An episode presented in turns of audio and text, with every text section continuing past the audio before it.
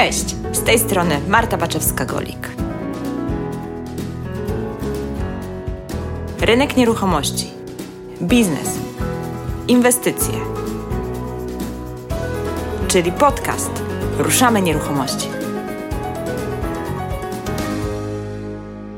Cześć Marta. Hej Marta. Dawno Cię nie było w podcaście Ruszamy Nieruchomości.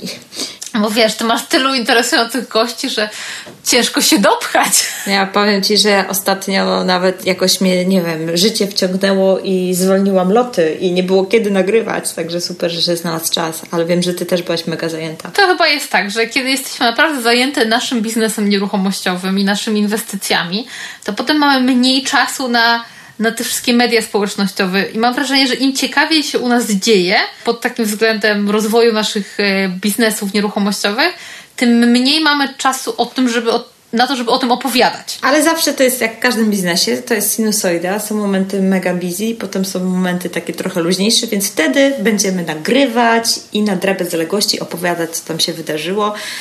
Chociaż teraz zupełnie nie jest luźnie. Nie wiem jak u ciebie, bo u mnie jest po prostu.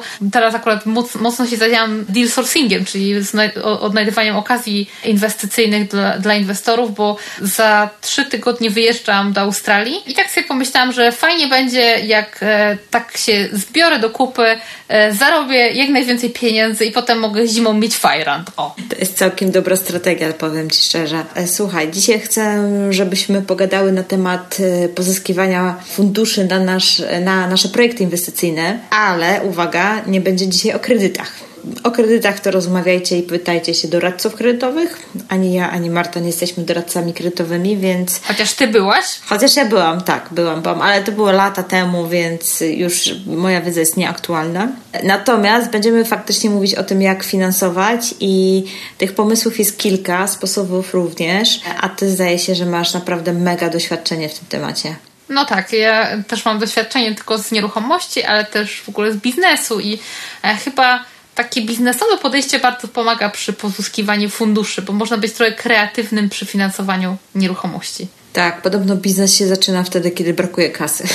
Coś w tym jest. Ja bardzo lubię właśnie jeden z, z mentorów biznesowych czuł, jak kupić biznes nie mając pieniędzy. I do tej pory sobie to zapamiętałam, bo mnie to rozśmiesza. Mówię, najpierw nie miej pieniędzy, a potem spróbuj kupić biznes. I coś w tym jest. I tak samo jest z nieruchomościami. Jak kupić nieruchomość, jeśli nie masz kapitału? No najpierw musisz zacząć od tego, że nie masz kapitału, a potem spróbuj kupić nieruchomość. To spróbujmy to sobie jakoś wszystko poukładać. I w ogóle generalnie tak sobie teraz uświadomiłam. Mam wrażenie, że już e, tyle razy występowałaś na łamach podcastu Ruszamy Nieruchomości, że nie trzeba Ciebie przedstawiać. Aczkolwiek tak sobie pomyślałam teraz też, że może będzie ktoś, kto po raz pierwszy nas słucha, więc może tak e, króciutko powiedzmy o sobie. Z Martą się spotkałyśmy dwa i pół roku temu, gdzieś mniej więcej, na konferencji takiej nieruchomościowej i nagrywałam wtedy z Tobą pierwszy podcast. I od tamtego czasu jesteś stałym bywalcem w podcastach, także od razu zachęcam wszystkich tych, co słuchają, dopiero zaczęli albo dopiero odkryliście podcast Ruszam Nieruchomości nie znacie wcześniejszych odcinków do przewertowania strony Ruszam Nieruchomości i, i odnalezienia naszych odcinków, bo jest już ich kilka albo nawet kilkanaście, nie, kilka myślę. Kilka chyba, aż tak często tutaj nie bywałam, natomiast e, rzeczywiście wiele osób zna nas jako, że tak powiem, jedną markę, jako dwie Marty, bo e, od tego podcastu wszystko się zaczęło i zaczęłyśmy wspólny biznes edukacyjny, e, gdzie szkolimy z inwestowania w nieruchomości i z biznesu. Same też ciągle się rozwijamy. Ja odkąd zaczęłam inwestować po raz pierwszy w 2013 roku tak na pełen etat, to posługiwałam się szeregiem strategii inwestycyjnych, bo robiłam i flipy, i podnajmy, i najem. E, mam własne portfolio nieruchomości w najem długoterminowy, które przynoszą mi dochód pasywny. Mam nieruchomości w podnajmie, mam nieruchomości w zarządzie, mam dwa hotele w tej chwili, bo jednego się z nich pozbyłam. Były trzy, tak, ciągle się wszystko zmienia. Biznes i nieruchomości e, moim zdaniem wymagają ciągłego kształcenia się, ciągłej ewaluacji. Czyli na przykład, jeśli już nawet zbudujesz takie portfolio, to moim zdaniem nie możesz osiąść na laurach, tylko sprawdzać, czy rzeczywiście te pieniądze przynoszą ci najlepszą z możliwych e, stopę zwrotu, czy być może jesteś w stanie coś zmienić, coś zamknąć i skorzystać z innej strategii i być może zarobić więcej. Więc ja coś takiego w moim biznesie nieruchomościowym robię non-stop Dlatego pewnie jak ktoś słuchał naszego e, pierwszego podcastu, no to na przykład e, wtedy miałam, nie wiem, może inną liczbę tych nieruchomości własnych. Nie miałam wtedy jeszcze hoteli, potem miałam trzy hotele, teraz mam dwa. Kto wie, co się stanie przy kolejnym podcaście. Natomiast e, jedno jest pewne, nieruchomości to moje życie.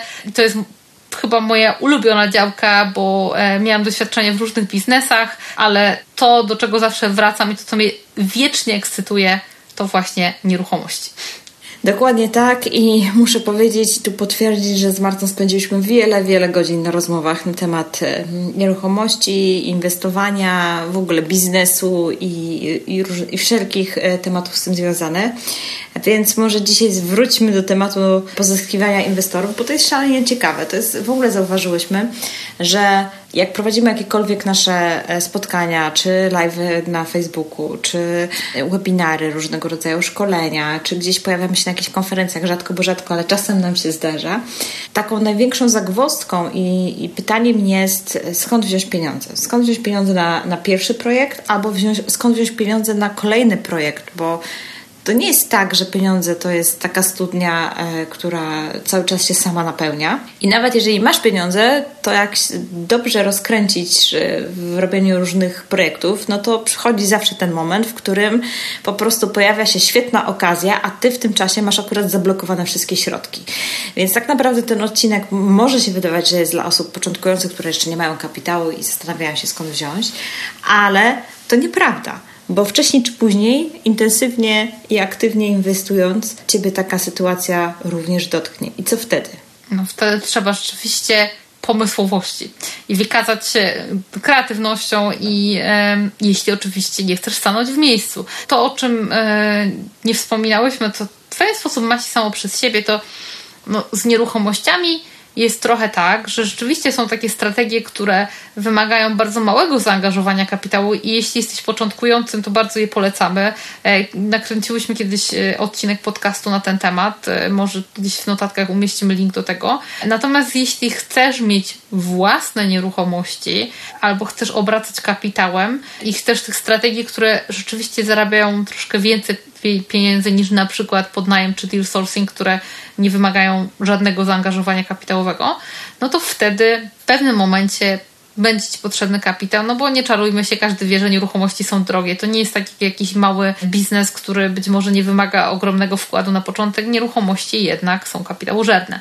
No dobra, to w takim razie co robić? No na pewno jednym z oczywistych sposobów finansowania jest zwykły kredyt hipoteczny, ale nie o tym chcieliśmy dzisiaj mówić, bo mogą być powody, dla których kredytu nie możesz wziąć. Może być jakiś problem w swojej historii kredytowej, zdarza się, różne rzeczy się zdarzają, różne wpadki finansowe być może jesteś w takiej sytuacji. Jeśli jesteś w takiej sytuacji, to mam dobrą wiadomość, nic nie jest straconego. Znam ludzi, którzy mieli okropne problemy finansowe, nawet tacy, którzy tracili wszystko i po prostu no, wydawałoby się, że umarł w butach, ale nie powstrzymywało ich to przed zarabianiem dalej i przed inwestowaniem i rozkręcaniem i budowaniem portfolio, czy tak naprawdę zarabianiem w nieruchomościach. Może być tak, że twoja historia kredytowa jest ok, ale nie masz na przykład w ogóle żadnego wkładu własnego na początek. Może być tak, że miałeś zdolność kredytową, bo w Polsce tak jest i teraz tą zdolność wykorzystałeś i teraz pytanie, co dalej? Więc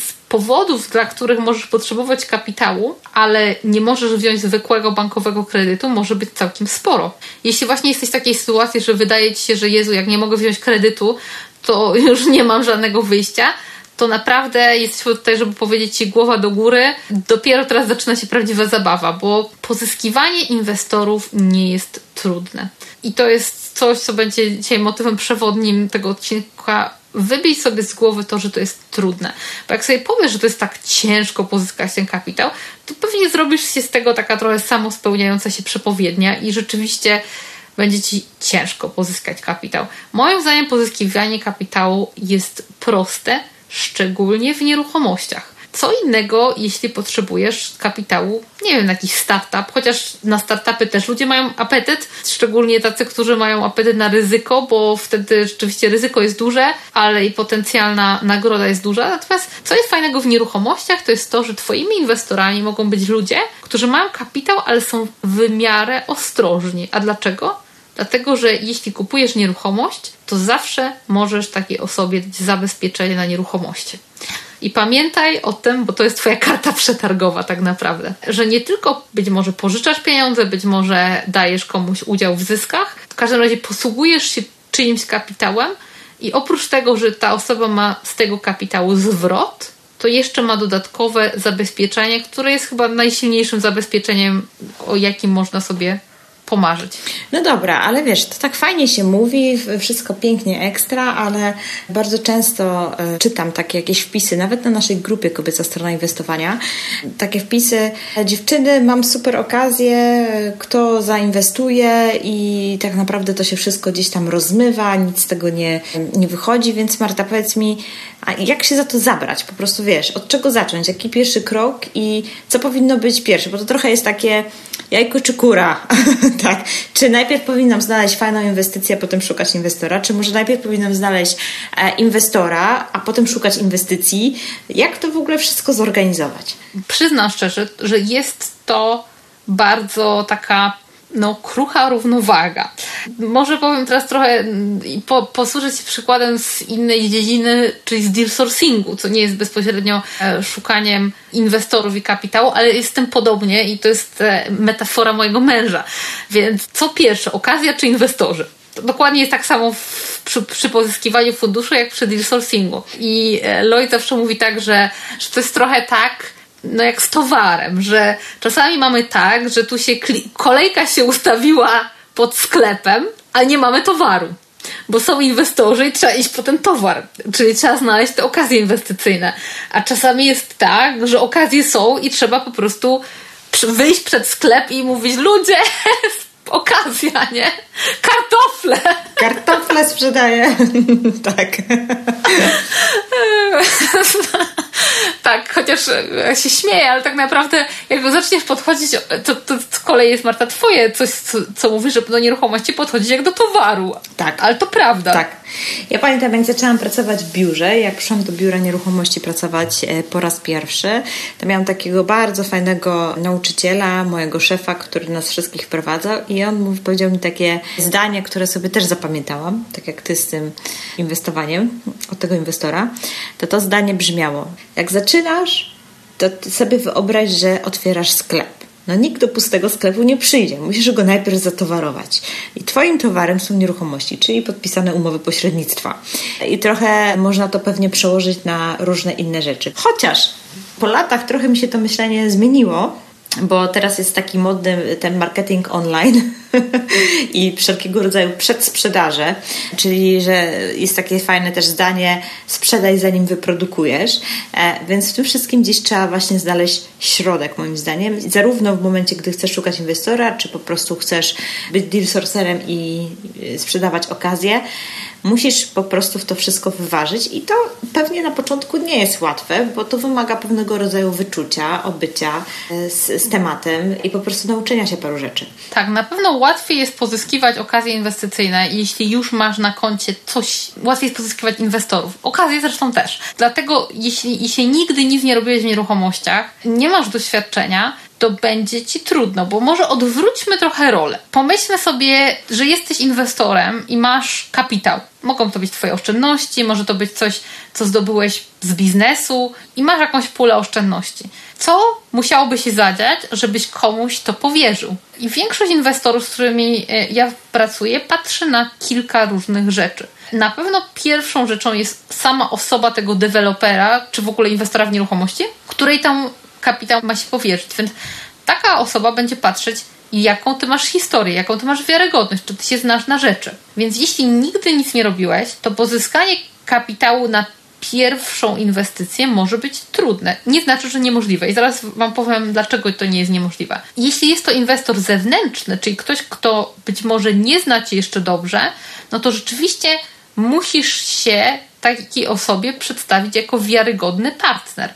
Ktoś, kto jest y, po prostu bezpiecznym lokum dla jego kapitału. Więc to jest bardzo, bardzo, bardzo istotne. Co zrobić, jeśli nie masz jeszcze doświadczenia na koncie? Nie wszystko stracone, bo zawsze masz jakąś sieć kontaktów, być może ze swojej pracy, być może z jakiegoś środowiska jakiegokolwiek, w którym się kręcisz. To może być jakiś klub zainteresowań, to może być szkoła twojego dziecka, to może być jakaś religijna grupa, to może być cokolwiek, gdzie ludzie cię znają i znają cię jako dobrego, wiarygodnego, uczciwego człowieka, bo w sumie to o to chodzi. I jeśli wiedzą, że chcesz się wziąć za nieruchomości, być może ci zaufają. I mamy przykłady kursantów, którzy pozyskiwali kapitał nawet na pierwszego flipa czy pierwszą inwestycję, dlatego że mieli na przykład znajomych, którzy po prostu znali ich jako dobrych, uczciwych, solidnych ludzi, pomimo że ci ludzie nie mieli ogromnego doświadczenia w nieruchomościach. Natomiast na pewno łatwiej będzie ci pozyskiwać inwestorów, jeśli coś masz już na koncie, co możesz im pokazać. Więc to jest jedna rzecz, na którą ludzie patrzą, czyli Twoja historia, Twoja wiarygodność i Ty jako osoba, której oni dają, bo ludzie kupują ludzi, więc, więc na pewno zwrócą uwagę na to, kim jesteś. Kolejna rzecz to sam projekt. Na co te pieniądze są przeznaczone? Czy ten projekt jest bezpieczny? Jaki jest profil ryzyka projektu?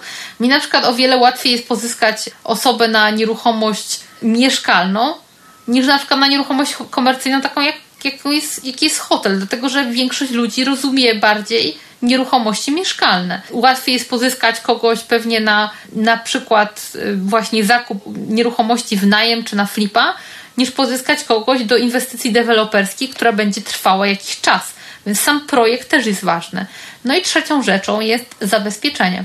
Jakie zabezpieczenie taki, taka osoba dostaje? Czy dostaje zabezpieczenie na nieruchomości? Pewnie tak. Jeśli tak, to w jakiej formie? Czy jest to zabezpieczenie takie typowe, jak ma bank, czy obciążenie hipoteki, czy jest to jakieś bardziej miękkie zabezpieczenie? My w Wielkiej Brytanii mamy różne takie spektrum tych zabezpieczeń, ale o tym jeszcze troszeczkę powiemy, więc e, to są pewne rzeczy, od których trzeba zacząć. Czyli zanim nawet jeszcze pójdziesz pozyskiwać tych inwestorów, to musisz się do tego przygotować jak przedstawiciel handlowy. Co masz tym ludziom do zaoferowania? kim jesteś, jak się przedstawić. Druga rzecz, jaki jest Twój projekt, na co Ci potrzebne te fundusze i też ile Ci potrzeba dokładnie. Tak naprawdę nie ma potrzeby zbierania kapitału, jeśli tego kapitału nie wykorzystasz. A czasami trzeba rzeczywiście symultanicznie przygotować kapitał i okazje inwestycyjne, więc od czego zacząć? No na pewno takiego dobrego jakby biznesplanu. Jaki masz, jaki masz target, jaki masz, nie wiem, ile tego kapitału potrzebujesz? 100 tysięcy, czy pół miliona, czy 3 miliony? Jeśli tak, to na co? Co jesteś w stanie zaoferować? Więc od tego ja bym zaczęła, nawet nie od tego, gdzie tych inwestorów szukać, tylko tak naprawdę, co ja mam do zaoferowania, żeby ta moja oferta była atrakcyjna. Dokładnie tak. I tutaj bardzo często pewnie może się pojawić pytanie, no dobra, no ale jeżeli dopiero zaczynam, jeszcze tak naprawdę nie mam żadnego doświadczenia na swoim koncie, to czym ja się mogę pochwalić? Prawda jest taka, że jeżeli masz doświadczenie w jakimkolwiek innym biznesie i gdzieś odniosłeś już jakieś fajne rezultaty, to jest coś, co daje ci tą wiarygodność, pomimo, że być może to było w innej branży. Bo trzeba też pamiętać, że takie aktywne inwestowanie, w sensie kupowanie obrót nieruchomościami czy flipy, kupowanie nieruchomości na najem krótkoterminowy, być może, a może na pokoju, to jest tak naprawdę organizacja biznesu. Nieruchomości są tak jakby częścią tego biznesu, który sobie organizujesz wokół na nieruchomości, na, tak można by to powiedzieć. Więc jeżeli masz jakieś doświadczenie biznesowe, w którym już masz jakieś fajne efekty, rezultat, być może prowadziłeś jakąś większą grupę ludzi, być może budowałeś zespół, być może masz jakieś doświadczenia negocjacyjne, e, nie wiem, jakieś podstawy prawne, kontraktowe, to są naprawdę bardzo cenne umiejętności, które przełożysz bezpośrednio na Twoje projekty inwestycyjne w nieruchomościach i naprawdę to jest mega atut i absolutnie warty podkreślenia w rozmowach z takimi inwestorami. A druga sprawa jest jeszcze jest, jest taka, że my często też e, wspominamy i mówimy w różnych naszych wystąpieniach, że warto pomyśleć o, zaczę- o rozpoczęciu działalności właśnie jako e, czy deal sourcer, czy właśnie zająć się podnajmem lub użyć jakąkolwiek inną strategię, która nie wymaga wielkiego kapitału, ale która daje Ci właśnie doświadczenie. Bo teraz sobie wyobraź, nawet jeżeli będziesz pracować jako pośrednik nieruchomości, to Ty nie jesteś już osobą, która nic nie wie na temat rynku nieruchomości. Więc to jest też takie, jeżeli chcesz wejść na rynek i totalnie nie masz nic, nie masz ani kapitału, ani doświadczenia, ani wiedzy, ani za bardzo jakiegoś dużego zaplecza biznesowego, nie wiem, nie postawiłeś iluś tam firm, nie masz za sobą, nie wiem, jakichś wysokich stanowisk, to faktycznie może dobrym pomysłem jest rozpoczęcie pracy w branży nieruchomości tak? Czyli albo organizowanie sobie tej pracy poprzez właśnie na przykład organizowanie podnajmów, albo po prostu pójście nawet do pracy do biura nieruchomości lub zrobienie cokolwiek, albo nie wiem, nawet doradztwo kredytowe też już jest, że tak powiem, bardzo fajne. Więc to wszystko da Ci doświadczenie i faktycznie to doświadczenie zdobędziesz pracując. To, to nie jest tak, że to jest jakaś fikcja, że to jest, to nie jest jak y, chcesz kredyt i, i starasz się robić obroty fikcyjne, żeby po prostu mieć większą zdolność. To nie mówimy o takiej fikcji, bo faktycznie ta praca w tej branży da Ci doświadczenie. I to też będzie budować Twoją wiarygodność. Dzięki tej pracy też poznasz ludzi, którzy być może właśnie będą, staną się Twoimi inwestorami w, za chwilę, tak? Dokładnie, właśnie, właśnie te kontakty to jest kolejna rzecz, którą do, dostaniesz. Ja tutaj nie mówię o jakimś specjalnym, okej, okay, zatrudnię się w biurze i ukradnę ich bazę klientów, ale nie, po prostu ludzie, z którymi na co dzień obcujesz, w pewien sposób, no, gdzieś tam te kontakty zostaną. I ja wiem na przykład po sobie. E, ostatnio wróciłam do kontaktu z agentką nieruchomości, która sprzedała mojego pierwszego flipa. Przez długi czas nie byłam z nią w kontakcie, dlatego że ona pracowała w innym oddziale, który był daleko od e, mojej miejscowości, natomiast wróciła bliżej tego miejsca, gdzie wcześniej pracowała. I minęło ile? 6 lat od, odkąd sprzeda tego mojego pierwszego flipa. W ciągu ostatniego tygodnia, dzięki znajomości z nią, pozyskałam trzy różne okazje inwestycyjne. Pomimo, że ona pracuje teraz dla innego biura, innej firmy, ale liczy się to, że mamy ten kontakt, bo się spotkałyśmy ileś lat temu, więc nigdy nie wiesz, do czego ci się przydadzą te kontakty. Gdybym ja miała na przykład teraz zaczynać, powiedzmy, inwestowanie na jakimś rynku, którego nie znam, pomimo, że mam doświadczenie w nieruchomościach i tak dalej, i tak dalej, niewykluczone, żebym poszła do pracy jako pośrednik, żeby po prostu nauczyć się rynku. Jeśli rzeczywiście nie wiesz nic, no to musisz w jakiś sposób coś mieć do zaoferowania. I uwaga, może to być coś takiego, że na przykład być może pracujesz w korporacji. I to jest bardzo fajne. Jeśli masz odpowiedzialne stanowisko, odpowiedzialne to nie znaczy koniecznie, że musisz mieć nie wiadomo jaki tytuł czy coś takiego, ale to może być coś, że nie wiem, posługujesz się dużymi kontraktami, czy dużymi pieniędzmi, czy na przykład masz pod sobą jakiś zespół pracowników, to jest coś, co automatycznie dodaje ci wiarygodności. A może jesteś zupełnie z innego świata, być może jesteś budowlańcem, może jesteś jakimś fachowcem, który ma dużo projektów na koncie i jesteś bardzo taki, no, poręczny i zręczny, e, jeśli chodzi o, o, o tą stronę na przykład. Więc zawsze skoncentruj się na tym, co masz mocnego i to staraj się, że tak powiem, sprzedać takiemu inwestorowi. Twoje atuty i korzyści dla niego, więc zacznij od tego, zacznij od dobrego nastawienia i to jest nasz kolejny punkt. To jest to, że kiedy idziesz pozyskiwać inwestorów, nastawienie to naprawdę ma ogromne znaczenie. Bo często ludziom się wydaje, że jak idą pozyskiwać inwestorów, to idą na żebry.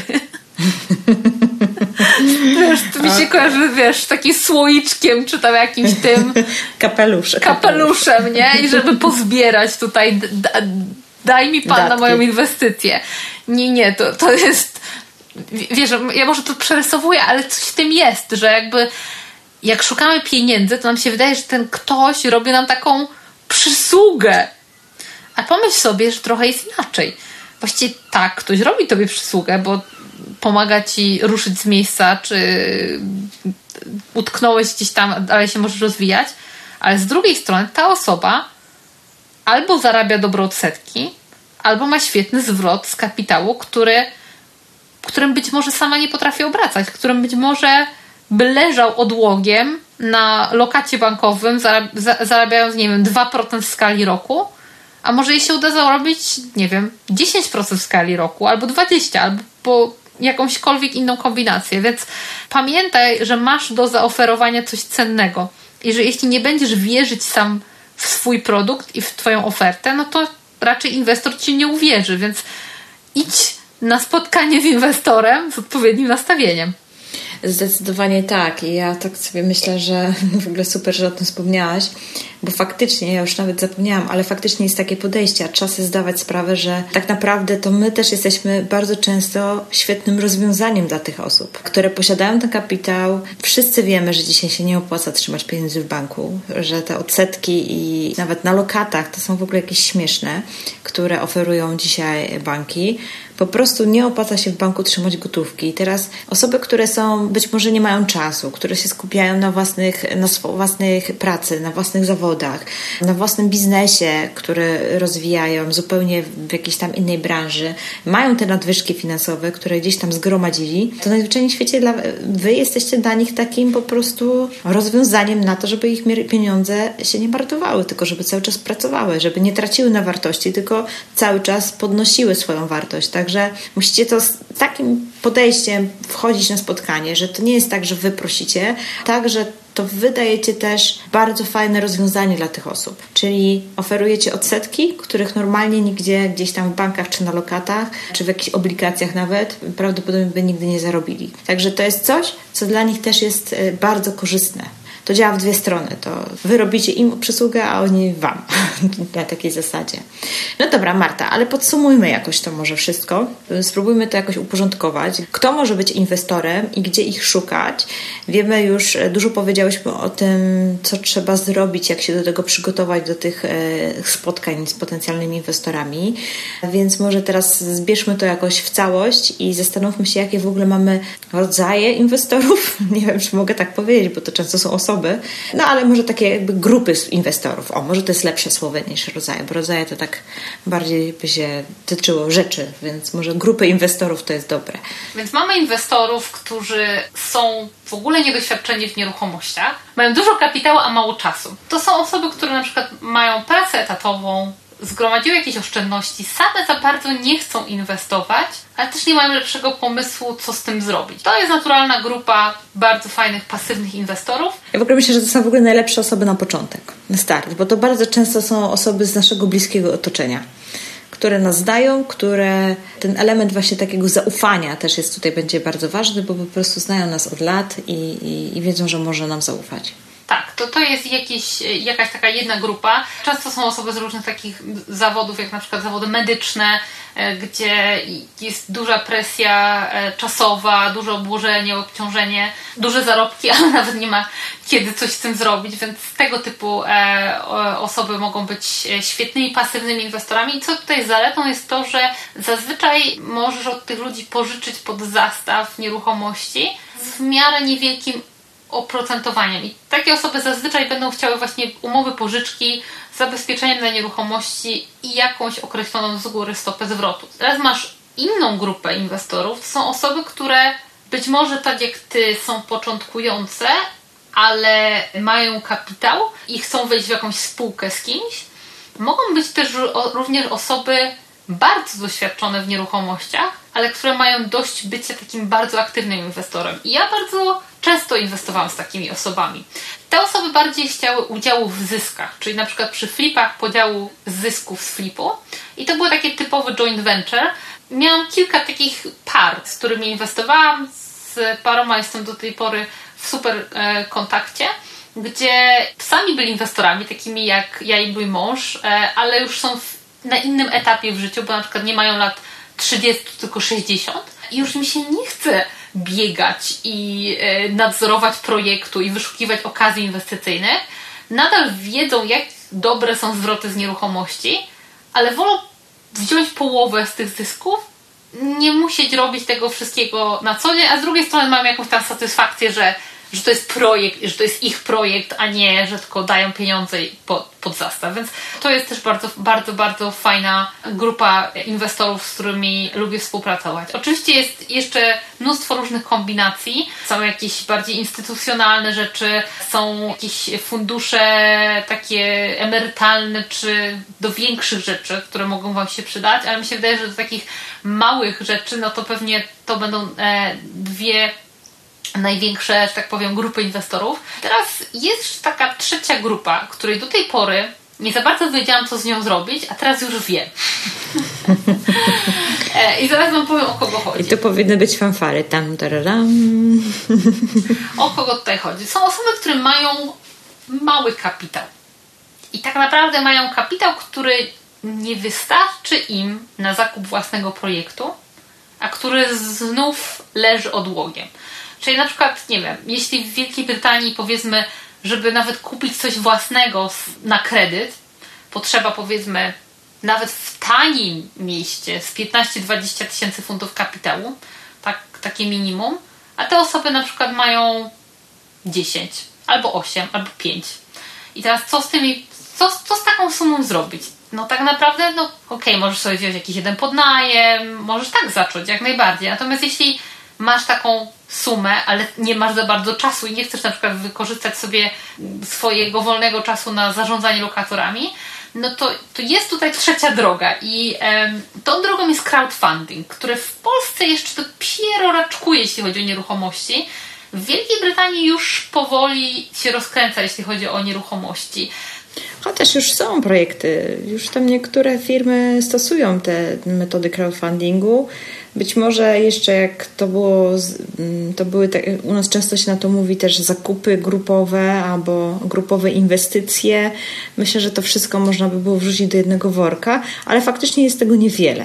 Tak, tylko że troszeczkę ten crowdfunding różni się od grupowych zakupów czy inwestycji, dlatego że najczęściej jest to tak, że ten crowd, czyli ta, to, ta społeczność, kupuje jako tako tej nieruchomości. To ty jako inwestor ją kupujesz, a oni kolektywnie fundują to. I czasami mają tak samo jak ci inni inwestorzy udział w zyskach, a czasami mają po prostu zwrot z kapitału. Różnie to bywa. To zależy, jaki to jest projekt. Tro, troszkę tutaj jest obwarowań, bo w Wielkiej Brytanii na przykład nie możesz pójść i pozyskiwać właśnie kapitału od wielu osób. Zresztą jeśli na przykład oferujesz komuś udział w zyskach, to też są regulacje, które pozwalają taką inwestycję oferować tylko ludziom, którzy spełniają pewne kryteria, czyli są tak zwanymi high net worth individual, czyli mają wysoką wartość netto. To wszystko jest zdefiniowane, czyli muszą mieć odpowiednie aktywa oprócz własnego domu, albo muszą mieć odpowiednie zarobki roczne, bo ustawodawca uważa, że jeśli jesteś w takiej pozycji, to znaczy, że pewnie wiesz, jak ocenić ryzyko, wiesz, jak co robić. Natomiast nie mogłabyś, nie możesz pójść do pani emerytki, która ma 20 tysięcy funtów oszczędności i zaoferować jej udział w flipie i powiedzieć, że się podzielić zyskami. To jest nielegalne. To znaczy, to jest tak, że nikt cię do więzienia za to nie wsadzi. Natomiast jeśli flip pójdzie źle, i pani emerytka powie, że tutaj ty jesteś naciągaczem, który ją na coś takiego naciągnął, no to może rzeczywiście się niefajnie skończyć. I co jest fajnego w platformach crowdfundingowych, to jest to, że one pozwalają to ryzyko i te obowiązki, które są nałożone na ciebie przez ustawodawcę, pewien sposób wypełnić w sposób legalny. Więc e, w crowdfundingu mogą wziąć osoby udział, które mają nawet 100 funtów, czy czasami 1000 funtów, czy do, do zainwestowania i wszystko jest tam bardzo ładnie wytłumaczone, jakie jest ryzyko, że wchodzisz na, na własne właśnie ryzyko i jest to naprawdę, naprawdę fajny sposób na wykorzystanie siły społeczności, bo to też może być tak, że na przykład być może masz fajną markę osobistą i możesz ją wykorzystać w, w, właśnie w czymś takim. Na przykład nasza firma Home Whispers deweloperska, e, gdzie mamy całe nasze portfolio, cieszy się bardzo dobrą reputacją na lokalnym rynku, bo na przykład pozwalamy e, na lokatorów ze zwierzakami, więc wydaje mi się, jeszcze nie próbowałam te, te, tego wykorzystać, ale wydaje mi się, że łatwo byłoby mi w taki sposób na przykład pozyskać moją społeczność z, e, z, z Facebooku, lokalną społeczność, gdyby mi było potrzebne na jakiś projekt. Więc to jest coś na pewno, o, o czym warto pomyśleć i co warto rozważyć jako taką trzecią drogę e, oprócz tych dwóch e, takich bardziej standardowych, bezpośrednich sposobów, bo być może właśnie masz, znasz wiele osób, które mają jakiś tam niewielki kapitał. I jeśli rzeczywiście coś takiego Cię interesuje, to myśmy zaprosiły specjalnego gościa na e, szkolenie online. To jest Atuksha Ponwazi, która jest założycielką jednej z najpopularniejszych e, platform crowdfundingowych Wielkiej Brytanii, która zajmuje się tylko i wyłącznie finansowanie projektów nieruchomościowych. Więc jeśli chcesz wiedzieć więcej, jak działa crowdfunding w nieruchomościach, niezależnie od tego, czy jesteś w Polsce, czy w Wielkiej Brytanii, czy w jakimś innym kraju, no to to, te, to, to szkolenie jest zdecydowanie dla Ciebie. To szkolenie będzie się odbywać na, w ramach naszej Akademii Dwóch Mart, w ramach której co miesiąc zapraszamy specjalistów z, no, z branży oczywiście nieruchomości, ale mm, specjalistów, e, którzy de facto e, stricte w samej branży nie są, ale mają, specjalizują się w jakimś aspekcie, który jest bardzo potrzebny do robienia naszego biznesu. I tak na przykład właśnie Marta poprowadzi e, szkolenie z Atukszu. Marta będzie tłumaczyć to, e, to spotkanie, także e, jeżeli słabiej się czujesz w, w angielskim, to nie ma problemu, będzie, będzie Marta tłumaczem wszystkiego, co się będzie działo na tym szkoleniu, także śmiało. Ja z kolei również przeprowadzę, a właściwie tak, przeprowadzę chyba jeszcze to będzie będzie przed, a może tego samego dnia wyjdzie ten podcast, który nagrywamy właśnie w tej chwili. Dzisiaj w ramach Akademii jest, e, no właśnie, tak, dzisiaj. Jeżeli mnie słuchasz dzisiaj, czyli 21 października, to jeszcze masz szansę się załapać. Przeprowadzę szkolenie z prawniczką Kingą Lalowicz, która z kolei będzie opowiadać o umowach i sposobach właśnie współpracy z inwestorami. Czyli jak je zawierać umowy, to będzie dotyczyło już rynku polskiego, jakie zawierać umowy, jakie są możliwości zabezpieczeń, co można oferować tym inwestorom, jak samemu się zabezpieczyć, bo być może czasami ty będziesz musiał się zabezpieczyć w danym projekcie. Więc to wszystko będziemy mówić na szkoleniu z Kingą. Natomiast jeżeli słuchasz nas po 21, to i tak października, to i tak nie ma znaczenia, bo Akademia przechowuje wszystkie nagrane szkolenia, które prowadzimy i jeżeli tylko zdecydujesz się na dołączenie do naszych kursantów Akademii, to będziesz mieć dostęp do, do nagrań po prostu najzwyczajniej w świecie. Także gorąco zapraszamy do Akademii Dwóch Mart, bo stworzyłyśmy ją głównie po to, żeby e, rozwijać i tak pogłębiać tą wiedzę, bo w pewnym momencie tak sobie pomyślałyśmy, jak działasz, to zaczyna ci brakować takich właśnie smaczków, takich, takich e, niuansików, e, żeby popchnąć swój biznes do przodu. I właśnie w ramach Akademii chcemy te różne smaczki i niuansiki Wam przekazywać i, i otwierać Wam nowe przestrzenie do tego, żeby jeszcze lepiej inwestować i jeszcze lepiej działać na tej, w tej branży. Tak, Akademia to jest takie coś, co po polsku się brzydko nazywa Centrum Kształcenia Ustawicznego. Czyli po prostu masz, e, po angielsku bo może by się ładnie naz, naz, nazywało career development albo coś takiego. W każdym razie jesteś w stanie uczyć się więcej i bardziej specjalistycznie, ale z drugiej strony, jeśli jesteś początkujący, to mamy bardzo dużo archiwalnych szkoleń, takich online, które mówią o takich podstawowych rzeczach i jednym z tych szkoleń jest między innymi jak pozyskiwać inwestorów, jakie zabezpieczenie dawać, e, jaką umowę podpisać, więc e, teraz tych, tych szkoleń jest coraz więcej, w zależności od tego, kiedy nas słuchasz. Może ich być 30 parę, a może być już ich nawet więcej. Tak jest, bo co miesiąc przybywa jedno albo dwa szkolenia. Myślę, że taką praktyką, do, taką, do której chcemy dążyć, to to, żeby w ramach Akademii pojawiały się dwa szkolenia miesięcznie nowe. Jedno dotyczące rynku polskiego, a jedno dotyczące rynku brytyjskiego. Taki mamy cel i powoli zaczynamy go właśnie realizować, także wszystkie osoby, które te osoby, które już się zdecydowały wykupić dostęp, bo to jest taki e, no dobrze to nazwałaś, ustawiczny model dokształcania się.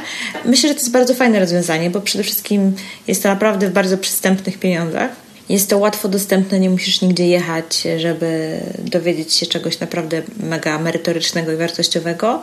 Od sprawdzonych kontaktów i też jest tak, że słuchamy y, osób, które uczestniczą w akademii i staramy się załatwiać specjalistów takich, na, jaka jest potrzeba i tak na przykład w listopadzie w, za miesiąc będzie szkolenie z doradcą podatkowym, który, a właściwie to jest ona, więc która nam przedstawi, to też będzie akurat na rynek polski, dokładnie różne zawiłości związane z rozliczaniem flipów w Polsce, bo z tym jest naprawdę bardzo dużo wyzwań i mamy bardzo dużo pytań podatkowych odnośnie właśnie rozliczania różnego rodzaju inwestycji, więc to będzie już w kolejnym miesiącu. Także jeżeli faktycznie interesuje Was temat nieruchomości i chcecie go zgłębiać, to myślę, że Akademia jest super miejscem. Jeszcze jedna rzecz na temat Akademii, to w ramach Akademii co miesiąc mamy e, otwartą dla uczestników sesję pytań i odpowiedzi. To polega mniej więcej na tym, że spotykamy się na Zoomie, czyli w takim jakby pokoju webinarowym i przez dwie godziny zazwyczaj odpowiadamy dosłownie na każde pytanie, jakie zadajecie nam. Do wyczerpania pytań. Albo do zlasowania się naszych mózgów. Wczoraj tak było, nie? tak, e, więc raz na miesiąc mamy taką sesję e, QA, e, gdzie możecie zadać nam pytanie, możecie je zadać w formie wideo lub głosowej, albo po prostu na czacie. My jesteśmy w formie wideo, więc odpowiadamy w czasie rzeczywistym i tak naprawdę to też jest fajne, bo możesz czegoś dopytać, coś nie zrozumiesz, coś, jakaś sytuacja powstanie, więc Akademia daje Ci to wszystko.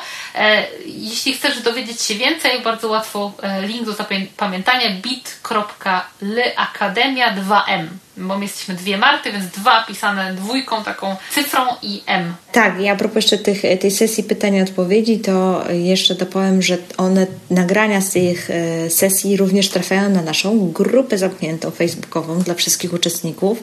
Także, a to jest bardzo fajne, bo nawet jeżeli e, zazwyczaj robimy tak, że ogłaszamy tam parę dni wcześniej, że będzie sesja pytań i odpowiedzi w danym miesiącu, wrzucamy post na grupę i wiele osób już tam zadaje pytania i nawet jak nie może być na żywo, to my na te pytania również odpowiadamy, więc później możesz sobie odsłuchać to, co żeśmy odpowiedziały i, i do tego sobie wrócić, nawet jeżeli nie możesz w danym momencie, w danym dniu e, uczestniczyć w tej sesji pytań e, na żywo. Także Dużo myślę atutów. Generalnie chodzi nam o to, żeby stworzyć i zbudować taką społeczność osób naprawdę robiących fajne rzeczy w nieruchomościach, e, osób, które no, chcą wiedzieć więcej i więcej, chcą się dokształcać, ale w taki wygodny sposób i przystępny też cenowo. Jasne, więc zapraszamy i mam nadzieję, że do zobaczenia. Tak jest, bit.ly ukośnik e, Akademia 2M. Link oczywiście zamieszczę w notatkach do odcinka. Będzie tam bezpośrednie przekierowanie, także na pewno odnajdziesz. Także słuchajcie, będziemy kończyć na dzisiaj. Mam nadzieję, że nabraliście trochę wiary w to, że pozyskiwanie inwestorów nie jest wcale aż taką bardzo trudną sprawą, że można to zrobić, nawet jeżeli się jest na początku. I mam nadzieję, że osoby, które gdzieś utknęły w swoich inwestycjach, w sensie już się zakorkowały, czy kredytowo nie są w stanie wziąć kolejnego kredytu, czy po prostu cały kapitał swój już wykorzystały, mają zamrożone e, środki, no to może mam nadzieję, że nie siądą na laurach i nie będą czekać, aż się coś wydarzy, jakiś cud, tylko będą dalej szukać okazji, bo naprawdę na rynku jest wiele osób dzisiaj z kapitałem, którzy po prostu nie wiedzą, co z nim zrobić. To jedna moja znajoma inwestorka, która ma portfolio teraz warte kilka milionów funtów, mówiła, że pieniądze szukają domku. O. tak. I z tą myślą Was zostawimy. Pieniądze naprawdę szukają domku. Więc tylko pytanie, do czyjego domku trafią? Może do Twojego. Mam nadzieję, że do Twojego, tak jest. Trzymajcie się ciepło, pozdrawiamy Was serdecznie i do usłyszenia niebawem. Do zobaczenia i właściwie usłyszenia.